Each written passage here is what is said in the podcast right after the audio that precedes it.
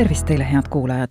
Te kuulate taskuhäälingu saadet Tervist. minu nimi on Aive Mõttus, olen Maalehe ajakirjanik ja tervisetoimetaja. Eesti Vähiliit koos Tervise Arengu Instituudi onkoloogide ja kopsuarstidega viib viiendast kuni üheksanda oktoobrini läbi vähinädalat, mis on suunatud kopsuvähi ennetusele ning suitsetamise kui ühe suurima selle vähivormi riskiteguri vastu võitlemisele. nädala motoks on tänastest valikutest sõltub oluliselt meie tervis tulevikus. Kopsuvähk on üks sagedasemaid pahaloomulisi kasvajaid. igal aastal haigestub maailmas kopsuvähki ligikaudu miljon inimest. Neist kolm neljandikku on mehed rahvusvahelise prognoosi kohaselt võib haigestunute arv kahe tuhande kahekümne viiendaks aastaks ulatuda kümne miljonini see tõbi on ka peamisi vähisurma põhjusi. kolmandik pahaloomulistest kasvajatest tingitud surmadest läheb just kopsuvähi arvele. Kopsuvähki sureb aastas rohkem inimesi kui näiteks rinna- ja eesnäärmevähki kokku. Eestis haigestub igal aastal kopsuvähki umbes kuussada meest ja kakssada kakskümmend naist. keskmine vanus haigestumisel on meestel kuuskümmend üheksa ja naistel seitsekümmend üks eluaastat. igal aastal sureb Eestis kopsuvähki umbes nelisada kaheksakümmend viis meest ja sada seitsekümmend viis naist. meestel on kopsuvähk ülekaalukalt kõige sagedasem vähisurma põhjus. Naistel sageduselt kolmas, soole- ja rinnavähi järel. tõsi, meestel on kopsuvähki haigestumus alates tuhande üheksasaja üheksakümne esimesest aastast pidevalt vähenenud, naistel aga haigestumus suureneb kopsuvähi tekkes on kõige suuremaks riskiteguriks suitsetamine, mis põhjustab üheksakümmend protsenti kõigist kopsuvähi juhtudest. kopsuvähk on üks nendest vähkidest, mida oleks võimalik suurel osal juhtudest ära hoida. kui noorukid ei alustaks suitsetamist ja täiskasvanud loobuksid suitsetamisest. Eesti Vähiliit koos kogu arstkonnaga teeb suitsetamisvastast teavitustööd juba aastaid, eesmärgiga väärtustada suitsuvaba käitumist ja mõrut-, mõjutada noori suitsetamist mitte alustama. vähk ei arene suitsetajatel üleöö, vaid aastatepikkuse tossutamise tagajärjel. kui suitsetajate hulk väheneb, võime kümne aasta pärast kindlasti nentida kopsuvähki haigestumise langust tubakasuitsus on üle nelja tuhande keemilise komponendi, millest rohkem kui nelikümmend on kantserogeensed ehk vähki tekitavad oluline on teada, et ka uued tubaka- ja nikotiinitooted ei ole tervisele ohutud ning kahjuks alustavad noored aina sagedamini suitsetamist just nendest. teised olulised kopsuvähi riskitegurid on passiivne suitsetamine, kanepi suitsetamine, radoon ja ka õhusaaste.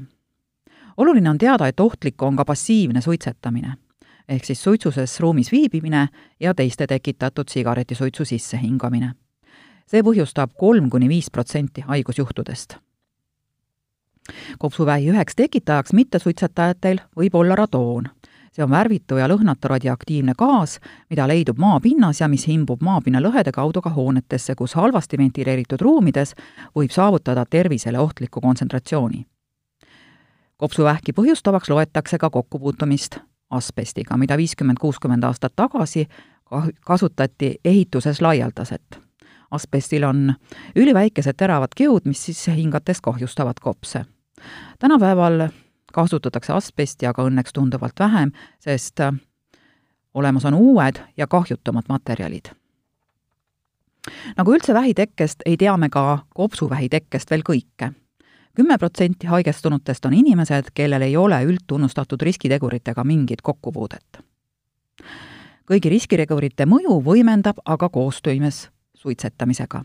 nii et ilma kahtluseta, suitsetamine on ülekaalukalt olulisim kopsuvähi riskitegur. maailma Terviseorganisatsiooni hinnangul võimaldaks tubaka suitsetamisest täielikult loobumine vältida üheksakümmend protsenti kopsuvähi surmadest suurim probleem kopsuvähi juures on iseloomulike sümptomite puudumine algstaadiumis, mistõttu varajane diagnostika on keeruline ja tõhus meetod kopsuvähi varajaseks avastamiseks puudub seega kasvaja võib areneda suureks, enne kui põhjustab sümptomeid. ligikaudu kaheksakümmend protsenti kopsuvähi juhtudest avastatakse kas regionaalselt või kauglevinud staadiumis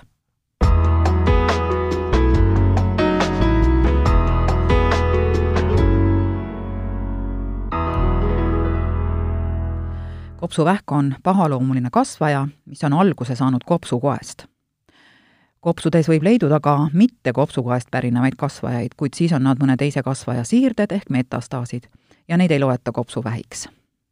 kopsuvähk jaotatakse vastavalt tekkinud rakulistele vormidele mitte väikerakk kopsuvähiks, seda esineb kaheksakümnel protsendil kõikidest kopsuvähkidest, ja väikerakk kopsuvähiks, mida esineb kahekümnel protsendil juhtudest kõikidest kopsuvähkidest nimetused ei viita aga mitte kasvaja suurusele, vaid kasvajat moodustavate rakkude tüübile.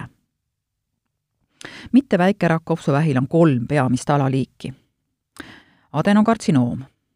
sellist tüüpi kopsuvähk annab siirdeid ja levib kergesti teistesse elunditesse juba haiguse varases staadiumis.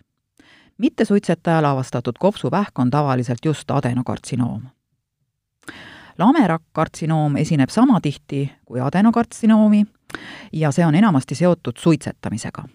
lamerakk-kartsinoom võib kasvada kopsukoes suurte hingamisteede lähedal. ka see vähitüüp annab siirdeid, kuid tavaliselt pisut hiljem kui adenokartsinoom. suurrakk-kartsinoomi puhul suureneb kasvaja kiiresti ja annab siirdeid tihti juba haiguse varases staadiumis viimastel aastatel on avastatud, et osal kopsuvähki haigestunutest esineb kasvaja koes epidermaalse kasvufaktori retseptori mutatsioon, mida loetakse kopsuvähi geneetiliselt erinevaks vormiks. seda esineb sagedamini mittesuitsetajatel, adenokartsinoomiga patsientidel ja naistel. väikerakk kopsuvähk on aga suitsetamisega eriti tihedalt seotud ning kasvab ja levib kiiresti enamik äh, seda tüüpi kopsuvähkidest avastatakse siis, kui haigus on levinud juba ühest kopsust kaugemale. ja ainult väike osa haigusjuhtudest avastatakse varakult. nagu kõigile pahaloomulistele kasvajatele, on kopsuvähile omane levinemine, levimine organismis lümfi ja vereteid mööda, andes siirdeid ehk metastaase teistesse organitesse sümptomid sõltuvad kasvaja asukohast kopsudes, levimisest rindkeres ning kogu organismis. mõnel juhul ei pruugi haigus endast kuidagi märku anda ja kasvaja avastatakse mingil muul põhjusel tehtud kopsuröntgenil. kuna enamus kopsukoest alguse saanud kasvajatest paiknevad hingamisteede valendikus, on esmaseks sümptomiks köha, mis on tingitud ärritusest ja survest kuid kuna enamik kopsuvähiga inimestest on suitsetajaid, kellel esineb niigi pidev köha, tuleb eriti tähelepanelik olla, kui köha iseloom on viimasel ajal muutunud. teisteks sümptomiteks võivad olla vere esinemine rögas, hingeldus, õhupuudus, korduvad ja ravile mitte alluvad kopsupõletikud. kasvaja levikul võivad tekkida rindkerevalu, õla- ja käevalu, hääle kähisemine, veenide esiletungimine kaelal ja kätel, neelamisraskused kopsuvähi siirded esinevad kõige sagedamini peaajus, maksas, luudes, neerupealsetes ning võivad siis anda ka vastavaid sümptome, peavalu, dementsust või siis kõhuvalu ja luuvalu. kopsuvähk annab sageli ka üldsümptomeid, milleks on nõrkus, isutus, uimasus ja kehakaalu langus. kuidas kopsuvähki diagnoositakse ehk milliseid uuringuid võidakse teha? no esimene asi on see, et arst küsitleb haiget ja vaatab ta läbi ning otsustab siis, millised uuringud määrata. esmaseks kopsude uuringuks on kopsuröntgen, millele tavaliselt lisandub vajadusel kompuutertomograafia kopsudest ja ülakõhust, et täpsustada võimaliku kasvaja asukohta ja metastaaside olemasolu kopsude keskel asuva kasvaja kahtluse korral on informatiivseks uuringuks bronhoskoopia ehk suurte hingamisteede uuring elastse toruga, mille abil arst näeb hingamisteid ja saab võtta ka koetükke, mida hiljem mikroskoobi all uurida, et leida võimalikke kasvajarakke. vajadusel tehakse ka keskseinandi või kopsukelmeõõne endoskoopiline uuring, et selgitada välja kasvaja olemasolu, leviku ulatust või siis võimaluse korral see ka eemaldada. kui peetakse vajalikuks operatiivset ravi, hinnatakse eelnevat kopsude funktsionaalset võimekust ehk seda, kas inimene suudab operatsiooni järgselt alles jäänud kopsukoega edasi elada.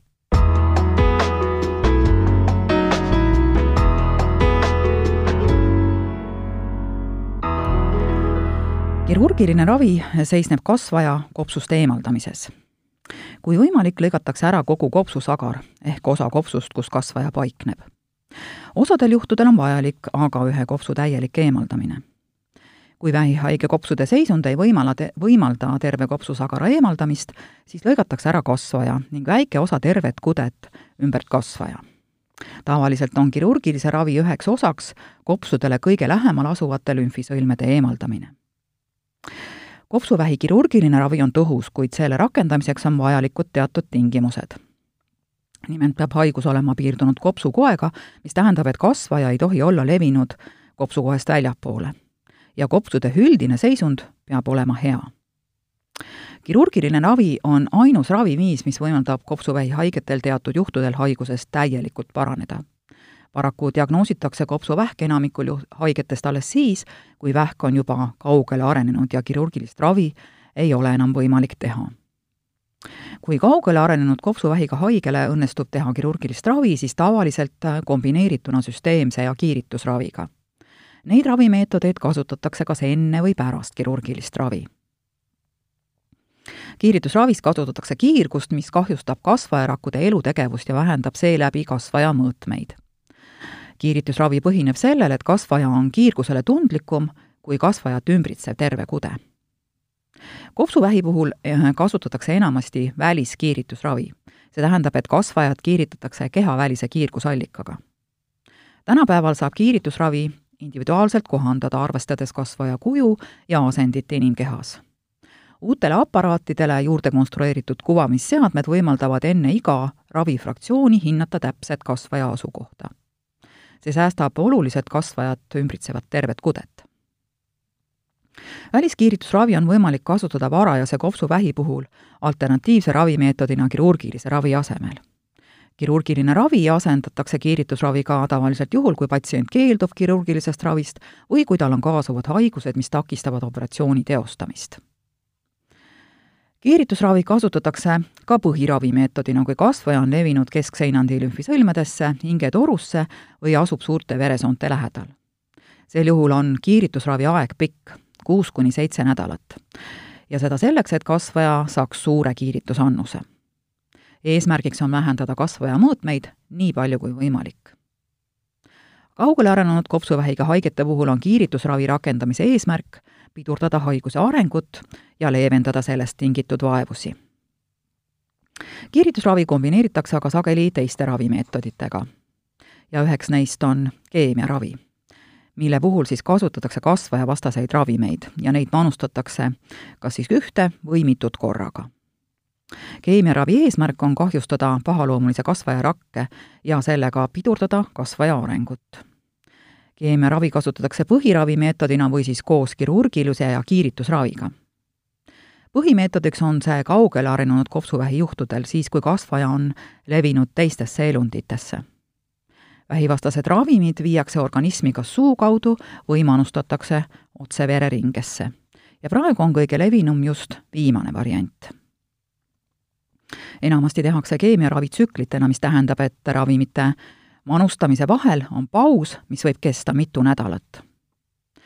keemiaravi mõjub toksiliselt ka tervetele keharakkudele, eristamata neid vähirakkudest ning seetõttu kaasneb selle raviviisiga mitmeid kõrvalnähtusid. keemiaravi kõrvalnähud võivad esineda sõltuvalt ravimite doosist ja kombinatsioonist, levinumateks on iiveldus ja oksendamine, juuste väljalangemine ja nõrkushood. Kuid enamasti saavad arstid kõrvalnähtusid vajaliku raviga leevendada viimastel aastatel on kopsuvähi ravis hakatud kasutama ka traditsioonilisele keemiaravile lisaks uut ravivõimalust, bioloogilist ehk sihtmärgistatud ravi. bioloogilise ravi lisamine kopsuvähis kasutatavale keemiaravile pikendab haigete elulemust, parandab ravi tulemust, säilitades elukvaliteeti ja vähendab haiguse taastekke riski. Kuidas siis uued kopsuvähi ravimid toimivad? on kaks võimalust. esimene kopsuvähi puhul võib esineda kasvajarakkude pinnal epidermaalse kasvufaktori retseptor. seda ma juba siis eelnevalt ka mainisin, et on olemas üks selline eriline vähiliik ja see on rakkude äh, elutegevuseks vajalik valguline aine, millel on oluline roll rakkude kasvamisel ja jagunemisel. ja nende uute kopsuvähiravimite sihtmärk ongi siis see rakkude pinnal olev retseptor.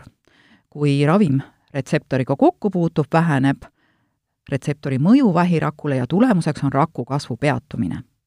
kui vähirakke püsivalt ravimiga mõjutada, hakkavad need taanduma ja lõpuks hävivad. kuna ravi on suunatud eeskätt vähirakkudele ja mõju tervetele kudedele on minimaalne, siis on uutel ravimitel kõrvalnähtusid vähem kui tavapärasel keemiaravil. Retseptoreid mõjutavaid ravimeid võetakse tabletina ja see annab vähihaigele võimaluse olla ravi ajal kodus lähedaste juures.